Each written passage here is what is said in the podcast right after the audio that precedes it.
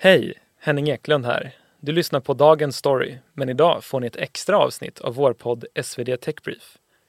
Tillsammans med mina kollegor pratar vi om den fascinerande techvärlden. De företag och den teknik som varje dag förändrar våra liv på spännande, oväntade och ibland lite roliga sätt. Sök på SvD Tech Brief där poddar finns så hittar du oss där. Nya avsnitt kommer varje torsdag kväll.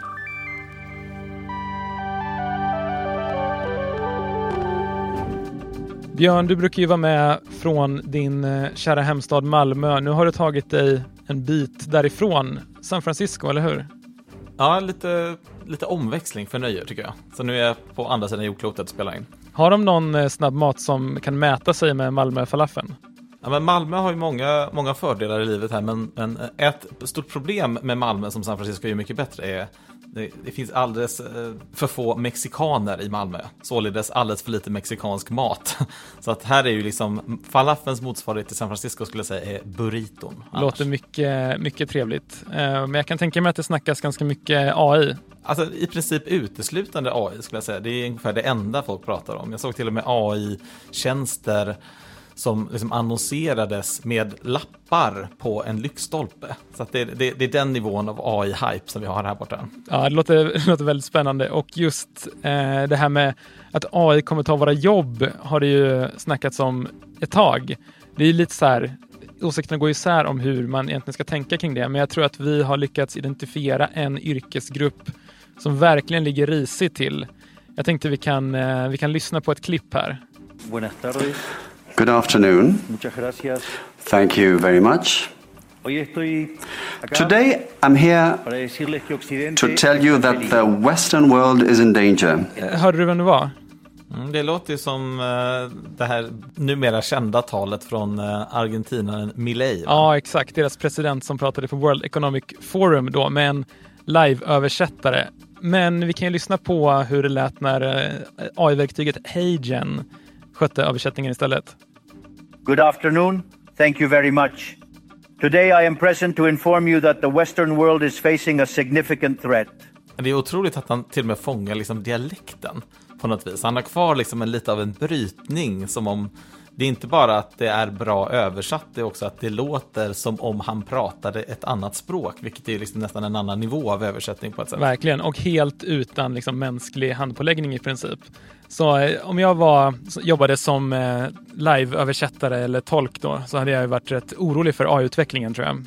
Ja, det kan man nog lugnt säga. Men, men om jag var investerare i, i tjänsten HeyGen, då skulle jag vara ganska glad just nu istället. Du lyssnar på Tech Brief, en podd från Svenska Dagbladet. Jag heter Björn Jeffrey och är tech-analytiker. Och jag heter Henning Eklund och är tech-reporter. I veckans avsnitt lär vi oss hur man förhandlar med hackare vi testar att åka en självkörande robottaxi och vi tipsar om ett hus till salu där internethistoria skrivs.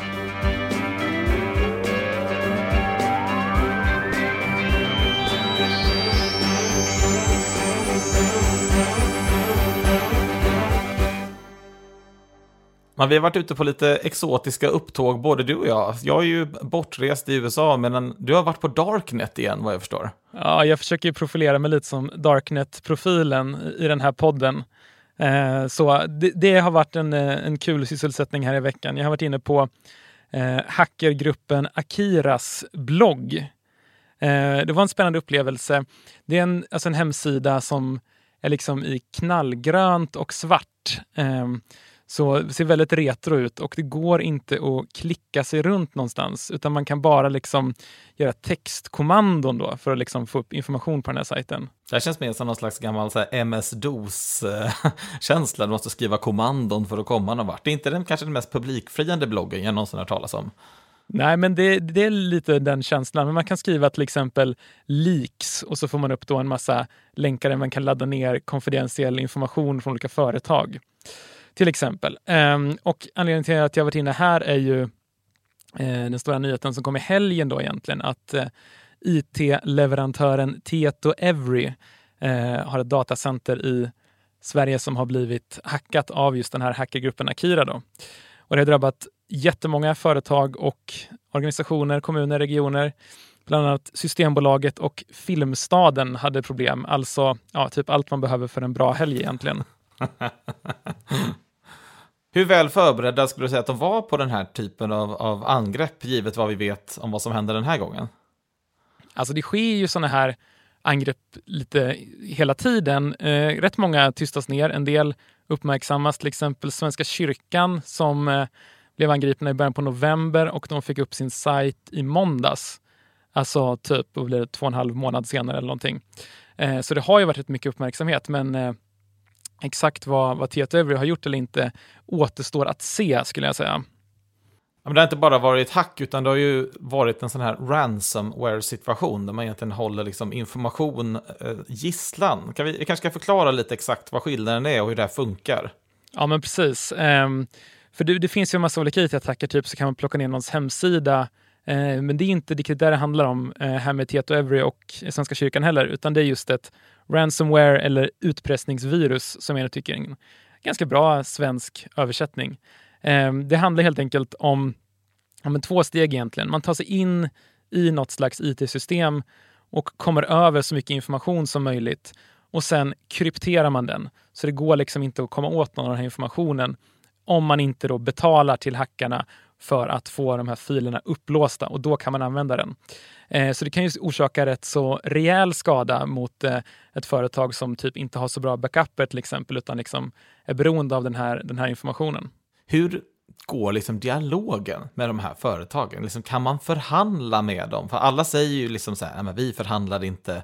Eh, och liksom så här, alla säger ju det, men, men det är fortfarande, det här sker ju hela tiden, så man måste ju ändå anta att det funkar ganska bra för de här hackarna. Men kan du förklara lite, bara hur, hur går det till när man liksom snackar med en hackare eller förhandlar med en hackare kanske? Ja men absolut. Vi, jag tycker vi börjar lite med att lyssna på en kille i USA som har titeln Cyber Security Negotiator. Primarily we're dealing with the ransomware groups or they're often called in the media, they call them gangs. Uh, those folks are highly organized and they, they operate much like a business. Uh, there's hierarchies. It is not uncommon for us to uh, hear one of the threat actors say, "Hey, look, I'm not approved to give you that level of discount. Uh, let me go talk to my manager." Det låter som en sån här kundtjänstupplevelse. Inte ens när man blir hackad så slipper man uh, “let me go talk to my manager”. Ja, nej men det, det är lite så faktiskt att de här, liksom, förr i tiden så var det mer lite så, ja men vi, vi är brottslingar ungefär. Och nu har de helt bytt liksom, stil, de här gängen, utan de säljer in sig som att så här, egentligen vi har gjort dig en tjänst. Vi, vi har levererat en tjänst till dig. Vi har upptäckt den här sårbarheten i ett IT-system. Så om du bara betalar oss så ger vi dig en rapport över hur vi tog oss in och så gör vi liksom business. Det, det är så de själva se på det egentligen. Det är ju lite maffialikt. Det är ju lite som så här, jag tänker erbjuda dig beskydd från att du får din ruta krossad. Eh, jag kommer se till att den inte, att den inte blir krossad, men av, ett, av någon konstig händelse så kanske den blir det om du inte accepterar mitt beskydd. Det är, det är ju inte helt olikt den metoden. Ja, men, men lite, så, lite så är det. Och eh, det finns ju olika så konsultbusiness som typ den här killen vi hörde prata nu, som just jobbar med de här förhandlingarna. Och det första som händer då är att man får en, ett meddelande på sin dator som har blivit hackad då att gå in på den här Darknet-sajten och så chattar vi där. Och där så kommer det ett krav på att man ska skicka pengar eh, till, till en viss bitcoin-adress. Så eh, shocker, det, det, det, är bitcoin här som, som används. Eh, ja, och det, det som man liksom, de här hackarna trycker på det är att så här, om du inte betalar så ett, får du inte tillbaka den datan som är krypterat och två, så hotar vi att liksom läcka ut all data. Och jag kan bara ge ett exempel på hur det låter på den här eh, gruppen Akiras blogg. Då. Så har de en lång lista på olika företag och sen så kan man läsa om en av dem som är, skriver om så här 65 gigabytes of data will be available for downloading soon.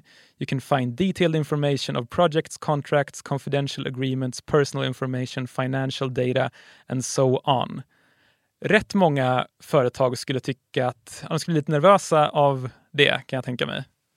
Det är som en slags superkriminell e-handel. Liksom så här, jag kommer, du kan förhandsbeställa den här datan som jag har, men med liksom option att kunna köpa bort den om man då betalar. Ja. Det är ju en ganska surrealistisk liksom, ekonomi, eller? Ja, ja men det, det, är verkligen en ekonomi, för det kanske man ska trycka lite på att de här gängen, det är ju, de allra flesta är liksom inte ja, så drivna politiskt eller av någonting annat, utan det handlar om att liksom tjäna pengar, göra business på, på just detta. Och en sån sak som är intressant är att de gör väldigt noga research innan, att de så väljer ut ett företag och liksom kollar upp exakt hur mycket de förlorar genom att bli av med sina IT-system under en viss period och så anpassar man sum, lösensumman som man begär då, eh, efter det. Men det finns lite olika metoder med liksom förhandling. Den här förhandlaren som vi lyssnade på innan säger att eh, man kan få ner det med så mycket som 40 procent, det, det, här priset, om man är duktig på att förhandla och betalar snabbt, för de vill gärna ha, ha betalt snabbt. Och han säger också att summan i genomsnitt är några hundratusen dollar, men det beror ganska mycket på från företag till företag. Så från ett par miljoner dollar till några tiotusentals dollar kan man få betala. Så för, ett, för eh, Tieto Every då och, och motsvarande liksom företag som har jobbat med dem så är det egentligen en avvägningsfråga och kanske en principfråga. Principen dels, vi kanske inte tycker att det är rätt att vi betalar hackare, men också om vi snackar om några miljoner kronor då i så fall per per grej så får man ju väga det mot vad kommer det kosta oss om vi inte får igång det här, där vi måste göra det på något annat vis. Det låter ju ändå som att de har en ganska bra situation. Eller brukar, brukar företag medge att de betalar? För att några miljoner är ju mycket, men det är också, det är inte gratis att inte ha sina tjänster uppe eller sina dokument på, på vift. Det är inte gratis heller. Jag tänkte vi skulle komma in på några exempel sen, men det man kan säga om, om de vi har pratat om hittills, då, Tieto Every och Svenska kyrkan, så båda de gått ut och sagt att så här, vi kommer inte betala. Vi har liksom i vår policy att inte betala, för om man gör det så indirekt i alla fall så uppmanar man ju de här eh, hackarna att fortsätta jobba som de gör. Vi pratar alltså om hackerattacker och Hennings eh, surfande på Darknet. Eh, det kommer ganska ofta sådana här rapporter om liksom det är ja, ransomware-attacker hit och dit. Liksom. Men finns det någon känsla eller någon uppskattning av liksom, hur stort är det här problemet egentligen? Eller är det bara väldigt högljutt när det väl händer? Alltså jag har fått lite klagomål från eh, lyssnare här att det är lite för lite släp i norrländska i podden. Så jag tänkte att vi ska lyssna på när Skellefteå kommuns IT-direktör svarar på frågan om hur ofta de blir angripna. För det ger en ganska bra känsla för liksom, hur stort problem det är. Vi utsätts veckovis för 24 000 attacker faktiskt. Oj. Men, men de flesta är av väldigt eh, låg hotnivå. Då. Ja, Skellefteå kommun säger att de 24 000 gånger i veckan blir de eh, attackerade och att det mesta är ju inte så sofistikerat. Då. Men det säger väl ändå någonting. Man kan tänka att svenska storföretag till exempel har, har en betydligt högre siffra än så. Sen en officiell siffra på liksom exakt hur, hur många som lyckas och hur mycket pengar det handlar om så finns det lite olika uppskattningar mellan tummen och pekfingret, men det är svårt att säga något exakt. För de flesta företag eh, vill ju inte gå ut och berätta om det här. De gör ju inte som Tieto utan de, de tystar ner det. Man kan väl anta att de inte är så särskilt intresserade av liksom Skellefteå kommun egentligen, utan de, de, de har liksom system som bara skannar vilken svaghet som helst var som helst. De är, de är, de är lite agnostiska kring vad de hackar, antar jag. Alltså på ett sätt, ja, men de är ju väldigt noga med så här, vilka kommer kunna betala, och hur mycket och hur troligt det är att de betalar. Så ett sånt tydligt exempel som en person i USA eh, var ju att sjukhus i USA har varit ett populärt mål. För att om ett sjukhus i USA läcker patientdata så kan patienten stämma dem på ganska mycket pengar. Så därför blir de ett ganska attraktivt mål, då, för de kommer antagligen vara villiga att betala. Medan sjukhus i Europa och Sverige har inte varit något större mål för detta. Så de, är ju, de har bra koll på vad de kan få betalt så att säga. Du sa tidigare att det inte var så, så politiskt, det är ganska ekonomiskt drivet. Precis, de väljer med liksom omsorg vilka de jobbar med. Men ibland, ofta kommer det upp så att de är state sponsored, sägs det ibland. Liksom kopplingar till säkerhetstjänsten, det har varit kopplingar till ryska säkerhetstjänsten. På vilket sätt är de kopplade? Ja, men här kan jag dra en lite, lite rolig liknelse då, som, som en källa pratar om. Eh, har, du skillnad, har du koll, Björn, på skillnaden mellan kapare och pirater? Inte i den här kontexten, det, vågar jag inte, det, det skulle jag inte säga. Nej, men i, i historisk kontext då, eh, kaparsystemet gick ut på att här, man kunde ge kaparbrev till olika sjökaptener. Och då säger om England var i krig med Spanien så kunde de ge kaparbrev till olika kaptener som då fick angripa spanska skepp för att man liksom gick på fienden och fick plundra deras skepp. Det här förbjöds 1856, så, så det var ett tag sedan. Men det är lite så det funkar nu också. Att eh, Ryssland ser det lite som att så länge de här grupperna inte angriper mål i Ryssland utan i väst så låter man dem hållas och eh, de får liksom köra på. Sen finns det också grupper som kommer över intressant information eh, och då kan sälja vidare till ryska myndigheter till exempel. För den här businessen med just alltså, cyberattacker och cyberarméer finns det ju i liksom hela världen. Men just ransomware är ju klart störst i just Ryssland och det har liksom växt fram en hel community av ryska typ programmerare som eh, har varit missnöjda med sina jobb eller blivit av med sina jobb och börjar sätta upp sådana här nätverk och inse att här går det att tjäna ganska mycket pengar. Det är inte så här någon bra jobbsäkerhet kanske, men lyckas man med ett stort hack så kan man tjäna liksom miljoner. Så det var en källa som, som beskrev det som att man sitter och hackar några månader, lyckas få liksom en, en stor attack så man får en massa pengar och sen drar man till Dubai och bränner det på sprit och kokain. Eh, så det är lite, lite så många jobbar tror jag. Det är klart att har du också säkerhetsaspekten för dig själv att den, ska säga, den lokala polisen kommer inte att gå efter dig för att du, du har riktat dina attacker åt rätt håll. Då är det ju en ganska säker verksamhet också på ett sätt. Eh, det enda värsta som kan hända är ju att du lägger ner massa tid på en attack som inte, som inte funkar så att säga. Man kan ju förstå att de håller på, hur oetiskt det än må vara. Ja men verkligen, det finns, det finns pengar att tjäna. Den här eh, Cyber Security Negotiator som vi lyssnade på innan säger att ungefär 65 procent av de som blir angripna väljer att betala. Eh, och det är ju ändå intressant för att verkligen alla experter liksom, som jag har intervjuat och polisen i Sverige, polisen i USA, FBI så här, säger så här, betala inte, betala inte för att om ingen betalar så kommer ju de här sluta hålla på. Eh, och det är lite här liksom dilemmat som eh, är det mest intressanta tycker jag.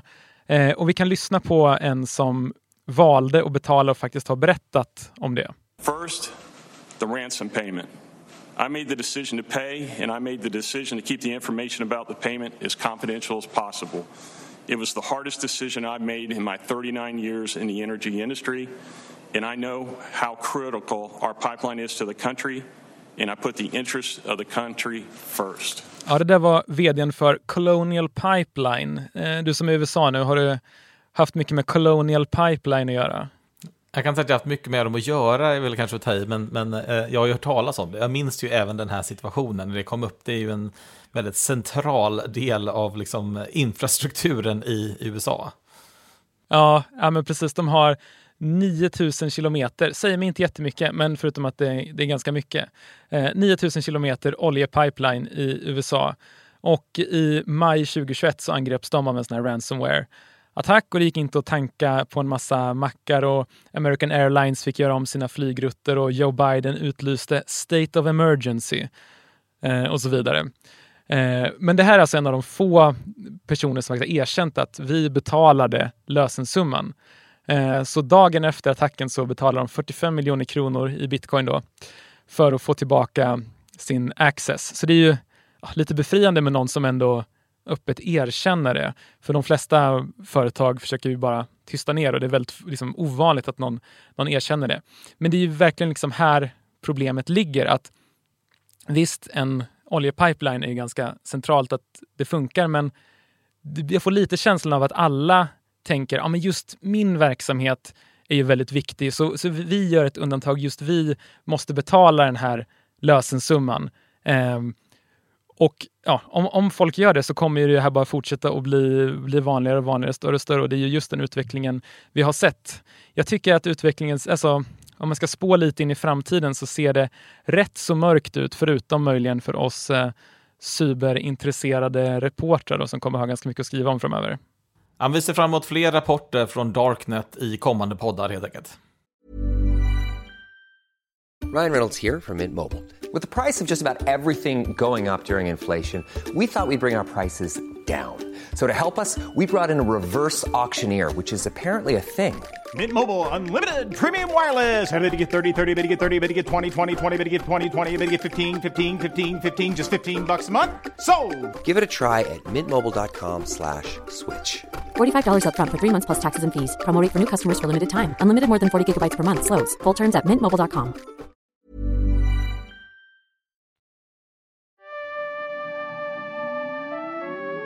Techbrief presenterar veckans Då är det dags för veckans och den här gången så är det veckans siffra, Henning. Eh, en ganska stor siffra kan man tycka, för, för åtminstone en, ska man säga, en underhållningskategori som i Sverige är för de flesta skulle säga, lite av ett mysterium. Nämligen wrestling. Är du, är du en wrestling-fan? Alltså jag har ju bara sett liksom något sådär YouTube highlights och tänkt fy vad korkade amerikaner måste vara som, som liksom kollar på detta och tycker att det är bra underhållning.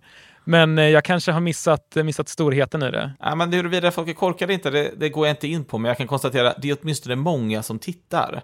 För veckans siffra är då en halv miljard dollar och det är så mycket som Netflix har betalat för att visa wrestling. Så det är som första gången som egentligen Netflix på riktigt kliver in i live-grejer. De har ju mest gjort liksom serier och filmer och de tittar du på lite när du vill. Men wrestling eh, är ju, eh, några kanske skulle betrakta det som en sport, men jag skulle säga att det är ju mycket mer av ett ett, ett underhållningskoncept kanske, som liknar sport möjligtvis, för man inte riktigt vet vad som pågår.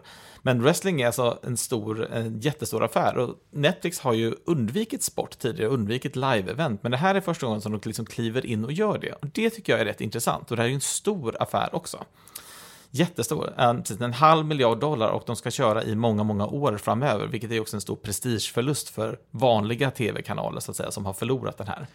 Ja, men jag har ändå haft ögonen lite på sporträttigheter här i Europa efter att Viaplay, ja, det gick som det gick helt enkelt. Eh, så har det varit en del spekulationer om att innan så har liksom marknaden för typ fotbollsligor och Formel 1 och allt möjligt varit väldigt eh, uppblåst. Folk har betalat väldigt mycket pengar. Nu har rättigheterna blivit mycket billigare och frågan är då så här, ja, men kommer liksom Amazon och Netflix och de här att ge sig in och liksom vilja börja, börja sända den här typen av, av underhållning också? Och det verkar ju som att vi ser lite små steg mot det i alla fall. Jag ska sätta här ett halvt steg i alla fall i den riktningen. Det är liksom inte, det är inte Premier League och det är inte Champions League, det är inte den typen av grej, men det är det liknar, Netflix överlag liknar allt mer vanlig tv. De har liksom annons, eh, annonsavbrott, de har liksom vanliga, kanske lite mer dokusåpor liknande serier och nu även då jag ska säga, traditionell liveunderhållning som man skulle annars anse skulle gå på vanlig tv. Så att, ja, Veckans siffra, en halv miljard dollar och ett Netflix som allt mer liknar din gamla tv-kanal. Vi har fått många nya lyssnare. Väldigt eh, kul tycker vi såklart och eh, skulle bli ännu gladare om eh, ni ville gå in och eh, ge ett betyg i din podcast-app till den här podden. Kanske skriva en recension och tipsa några kompisar också. Skulle vi bli väldigt nöjda. Och vill du ha mer kul och spännande technyheter så har vi också ett nyhetsbrev som kommer varje morgon som heter samma sak, SvD Tech Brief. Länk till detta finns i poddens avsnittsbeskrivning.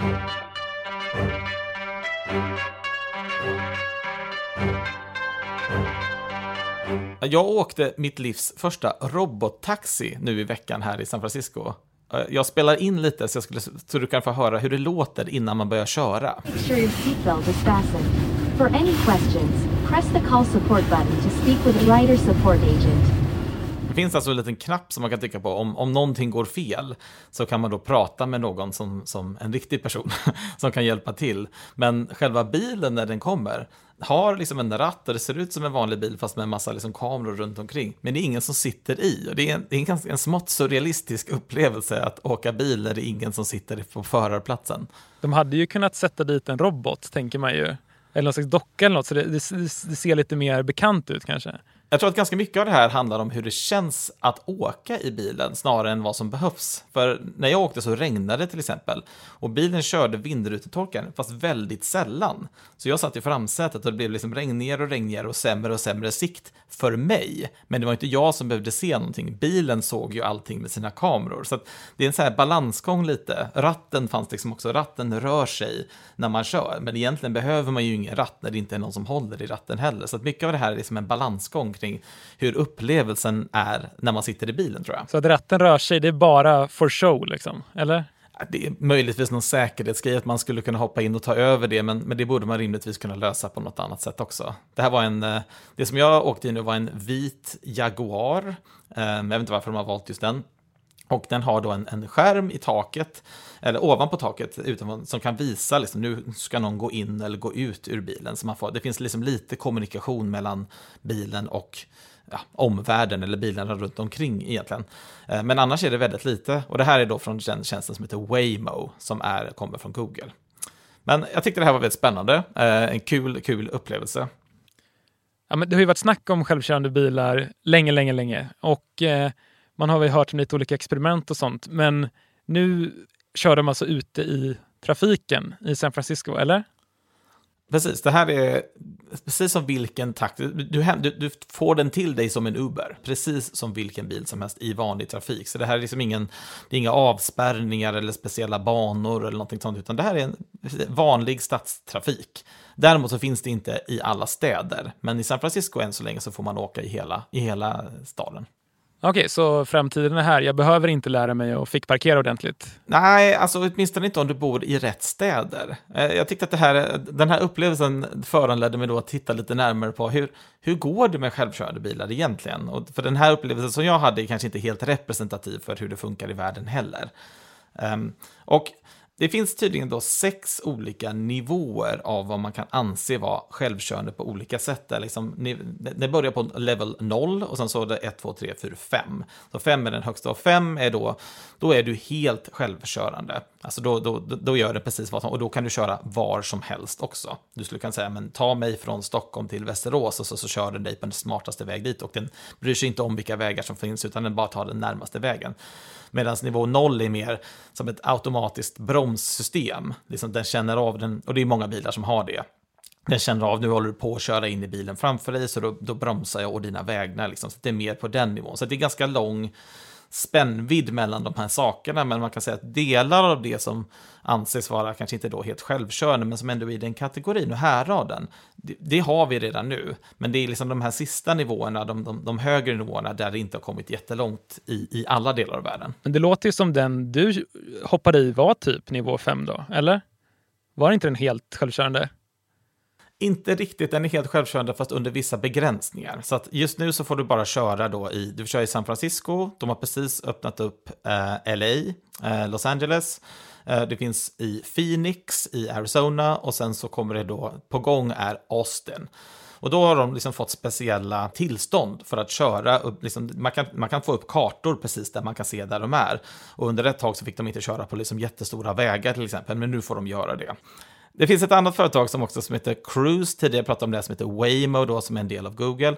Cruise eh, är en del av General Motors, den här liksom fordonsjätten. De har liksom hamnat i lite problem, i synnerhet här i San Francisco då, för det här var ett bolag som köptes för åtta år sedan. De hade också robottaxi, de hade en annan bilmodell, de hade en, en General Motors-bil av förklarliga skäl, men samma typ av princip. Men sen så var det en, en olycka där egentligen den här, det var en person som blev påkörd, men personen blev egentligen inte påkörd av robottaxin, utan blev påkörd av en annan bil. Men sen fastnade liksom på något vis under robottaxin efteråt.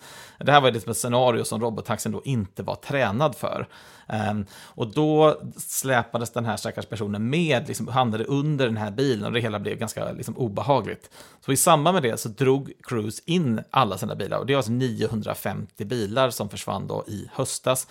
Uh, och det har inte kommit igång igen.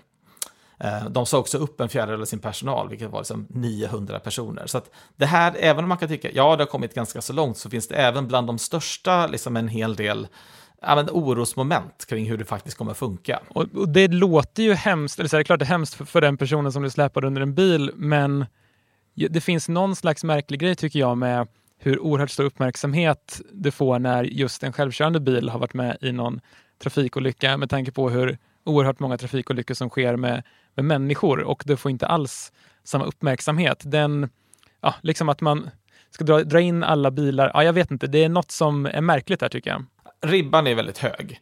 ska man lita på att en robot gör så måste den i princip vara helt felfri. Men det vet ju alla som har kört bil eller varit i trafiken att det finns ju gott om icke felfria bilförare på gatorna redan nu. eh, så, men, men, men absolut, ribban är hög och i det här fallet så var det ju liksom en, ett scenario som är ganska svårt att träna för, även för en mänsklig förare. Oj, här kommer en person som har blivit påkörd som landar på min bil. Det är liksom ingenting som händer vanliga förare heller. Vad, vad gör man då? Lätt att få panik, lätt att kanske ta ett dåligt beslut i det tillfället. Men det ursäktar ju ingenting, men man kan säga att det är ju en komplex situation. Och för vissa tycker jag det verkar vara så komplext till och med att ja, men man kanske lite håller på att backa tillbaka. Jag tittade på ett bolag som heter Argo AI till exempel, som hade Ford och Volkswagen som investerare då, som, en, som var en teknikplattform för självkörande bilar. De har lagt ner.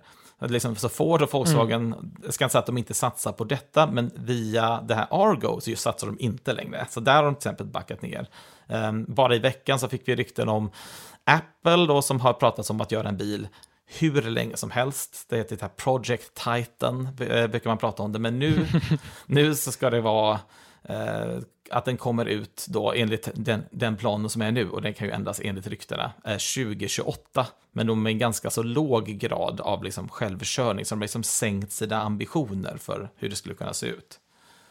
De satsar på Vision Pro istället. Ja, den, den satsningen, den, den är svår att missa, när, även när man är här borta. Men bilen får liksom vänta ytterligare, blir liksom både uppskjuten och sänkt ambition. Så det verkar inte vara jätteenkelt att få till detta. Det, mest, liksom, det vanligaste exemplet som man hör om, som man brukar prata om, är ju Tesla. Mm. Detta har du säkert liksom hört talas om också. Hur många gånger har man hört om självkörande funktioner för, för Tesla, eller hur? Verkligen. Det är ju ja, det, det, är, det är det det snackas om och eh, jag som åker taxi i Stockholm ibland, det är ju mycket Tesla-förare som pratar om hur oerhört bra den här funktionen verkar vara. Eller det, delar av den verkar ju verkar användas i Sverige i alla fall, men det är inte någon full självkörning på gång än i alla fall. Hur, hur ligger Tesla till där? Ja, men det, det, kallas då för FSD, alltså som är en förkortning för Full Self Driving. Eh, och nu är de uppe på det som heter Beta version 12. Och det här är liksom en annan typ av version då som är tränad, som är AI-tränad, som har liksom skrivit om hela det sättet det har funnits en del kritik mot Tesla innan att man liksom i princip säljer en produkt. Eh, för när du köper en Tesla så kan du köpa den med de här funktionerna, men funktionerna är ju inte riktigt färdiga än. Eh, och, så, och då, även där hamnar du liksom på de här nivåerna av så här, men precis hur hur självkörande är den då? Den kan byta, liksom, kan den köra om bilen, den kan parkera åt dig, men, men kan den köra helt och hållet? Så där har de fått en del kritik, men nu verkar det som att de åtminstone satsar ganska hårt eh, på att bli en av de som kommer liksom längst i detta. Sen ska man ju komma ihåg att det här är ju inte bara en fråga om vem som har liksom de bästa algoritmerna för att klara av det. Det är också en fråga om, får man tillåtelse att faktiskt göra det? Ja, det verkar ju vara ganska mycket så, bara framtidshopp och visioner, men du åkte ju i en sån här bil också. Hur, hur liksom, vad är din bild av hur det hänger ihop, den här liksom visionen om framtiden med verkligheten där vi står nu? Ja, men jag, jag tänkte på tre olika ja, man ska säga visioner, och det finns ju så här, sannolikt fler än så, men tre olika som man kan tänka på. Och den, den första är liksom just den här robottaxi-idén. Alltså vi delar bilar med varandra um, och vi har robotar som kör runt oss i liksom befintliga bilar som, som liknar som en taxi men utan, utan en chaufför. Och det tycker jag är ganska intressant bara redan nu. Hur får man folk att testa det? För folk, många kan ju uppleva det här att det känns lite läskigt. Och då finns det liksom en reklamfilm som jag tittar på. Jag tänkte vi ska lyssna på den, bara så man hör hur, prat, hur får man folk att testa en taxi som inte har någon chaufför. Så här kan det låta.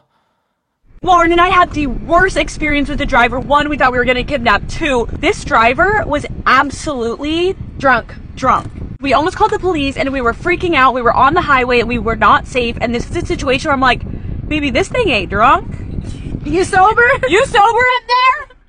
Ja, det här är Call Her Daddy, den här kända poddaren. Men det är en intressant grej att så vad, du känner dig otrygg i bilen. Det är liksom ett sätt att, att få folk att testa det här. Det är som, du behöver inte ha någon, en chaufför som kanske är full eller som kör på ett farligt sätt. Och, och det är liksom ett sätt att sälja in den här idén som jag tycker är ganska ja, men intressant och nymodig. Får vi se om det funkar eller inte, det är en annan sak. Ehm, ja, men tittar man på den andra visionen så är det ju kanske mer den som Tesla pratade om tidigare, att man har en egen bil, men att man kan använda den som en robottaxi också. Uh, och där blir, men angående det vi pratade om tidigare, och den här FSD, Full Self Driving, att det blir ju i praktiken, kanske just nu, blir det ju innan vi har kommit till att ja, men, precis, jag parkerar bilen hemma, sen så åker den ut och kör robottaxi medan jag inte behöver bilen. Men fram tills dess så blir det ju liksom som en kanske som en mer utbyggd, superintelligent och liksom adaptiv farthållare på något vis. Lite mer, och lite mer än farthållare kanske, men den typen av idé, att den, den hjälper dig köra bättre. Men den är, inte, den är liksom inte självkörande. Och det är liksom en, där är vi ju liksom ganska nära, skulle jag säga, i ganska många bilar. Att bilen kör ju å dina vägnar, men det är ju inte helt överlämnat. Liksom. Du har inte överlämnat ratten till fullo till bilen, så att säga det bästa scenariot när man pratar om, om här, den här framtiden tänker jag mig att man kan köra bil ända fram till dit man ska, hoppa ur bilen och sen hitta parkering. Men det kanske inte, det kanske inte funkar så. Ja, det, det skulle absolut kunna funka så. Eh, och det vore ju otroligt smidigt eh, när, vi, när det var där. Den sista versionen, den tredje då, är väl att man kanske tittar på detta mer tillämpat inom vissa områden. Jag kanske inte tänker att vi nödvändigtvis behöver ha robottaxi som kör runt hela tiden, utan snarare, jag tänkte på Uber Freight, som är då liksom deras lastbilsdivision. De har ett samarbete med ett eh, bolag som heter Wabi. Och de menar på liksom att 87% av alla olyckor med lastbilar, det beror på den mänskliga faktorn. Och de kör ju liksom på ett annat sätt. De kör långtradare under många, många timmar, långa raksträckor eh, och liksom på ett annat vis än du kör i vanlig stadstrafik. Så det är, liksom, det är ett annat sätt att tänka på det. Vi kanske inte måste låta den här tekniken lösa all bilkörning, men den kan lösa liksom en liten bit av transportproblematiken i vissa segment. Och då är Uber Freight ett sådant exempel. Ja, jag blir lite avis på den här eh, robottaxituren i San Francisco. Kommer jag i framtiden behöva åka till USA för att testa detta eller tror du att det kommer till Sverige också? Det verkar som att vi ligger närmare än på länge faktiskt. För det, Transportstyrelsen har beviljat 28 olika ansökningar för att ja, olika så här, testverksamhet kan man säga. Men det finns också en förordning ute där man försöker liksom få lite ordning på men reglerna egentligen. Så här, vad, vad får man göra exakt? För det har varit lite otydligt och den ska komma liksom den första juli i år. Så det är klart att det här, det här är ju liksom ett system som rör sig ganska långsamt och det tyckte det här exemplet som jag hade tidigare med Cruise och den här, den här människan som blev påkörd visar ju liksom att även när du lägger enorma resurser så händer det konstiga saker i trafiken som är svårt att förutse och då kan det liksom ske olyckor på ett, på ett dumt sätt. Och, och som du var inne på, man har väldigt höga förväntningar på vad de här robotarna kan göra. Det, det, räcker inte att köra lika bra som en person, du måste egentligen köra mycket, mycket bättre för att man ska känna sig bekväm med det. Så jag skulle säga, det tar nog liksom ett, vi ett par år kvar innan det här rullar ut stort, men ska inte bli jätteförvånad om du kanske kan testa att åka robottaxi i delar av Stockholm, åtminstone kanske så tidigt som i höst. Okay, this is my desk here. And That's the uh, fax machine as you can see. För, för er som lyssnade på Techbrief eh, innan jul så vet ni att den här mannen har genomgått en spännande röstförändring. Det här var från tiden när Amazon-grundaren Jeff Bezos hade lite ljusare röst kan man säga. Minst sagt, eh, och kanske lite lägre svansföring generellt, för det här är ju när han visar upp sitt första kontor, eller Amazon.coms första kontor i en, liksom en slags förort utanför Seattle. Och vi, eh, vi brukar ju avsluta de här poddarna med ett litet tips. Och här är ju ändå ett ganska dyrt tips, får man säga, men ändå liksom en möjlighet att köpa in dig i internethistorien. För vad är det vi har här? Ja, vi har varit inne på, jag gissar att det är USAs motsvarighet till Hemnet, typ. Där det här huset där han startade Amazon i garaget ligger ute till försäljning. Uh, thinking of buying? frågetecken och sen en netprissumma om 2,3 miljoner dollar här i alltså en förort till Seattle. Vad, vad tycker du om om eh, vad ska jag säga, arkitekturen här, Björn? Den är inte jätteövertygande, ska jag säga, men den ser inte helt olik ut andra typer av hus här heller. Men det, det roligaste är väl snarare att det första som står i husbeskrivningen för ett hus för 23 miljoner är det var här Amazon startade. Så de kör ganska hårt. Det finns till och med en Amazon.com-skylt på en av bilderna som är kvar inne i garaget. Jag tänker att vi lägger den här länken i avsnittsbeskrivningen så kan ni titta på hur det ser ut. Men, men eh, veckans tips är alltså köp en bit av internethistorien. Har du 23 miljoner kronor över kan du köpa ett ganska fult brunt hus utanför Seattle.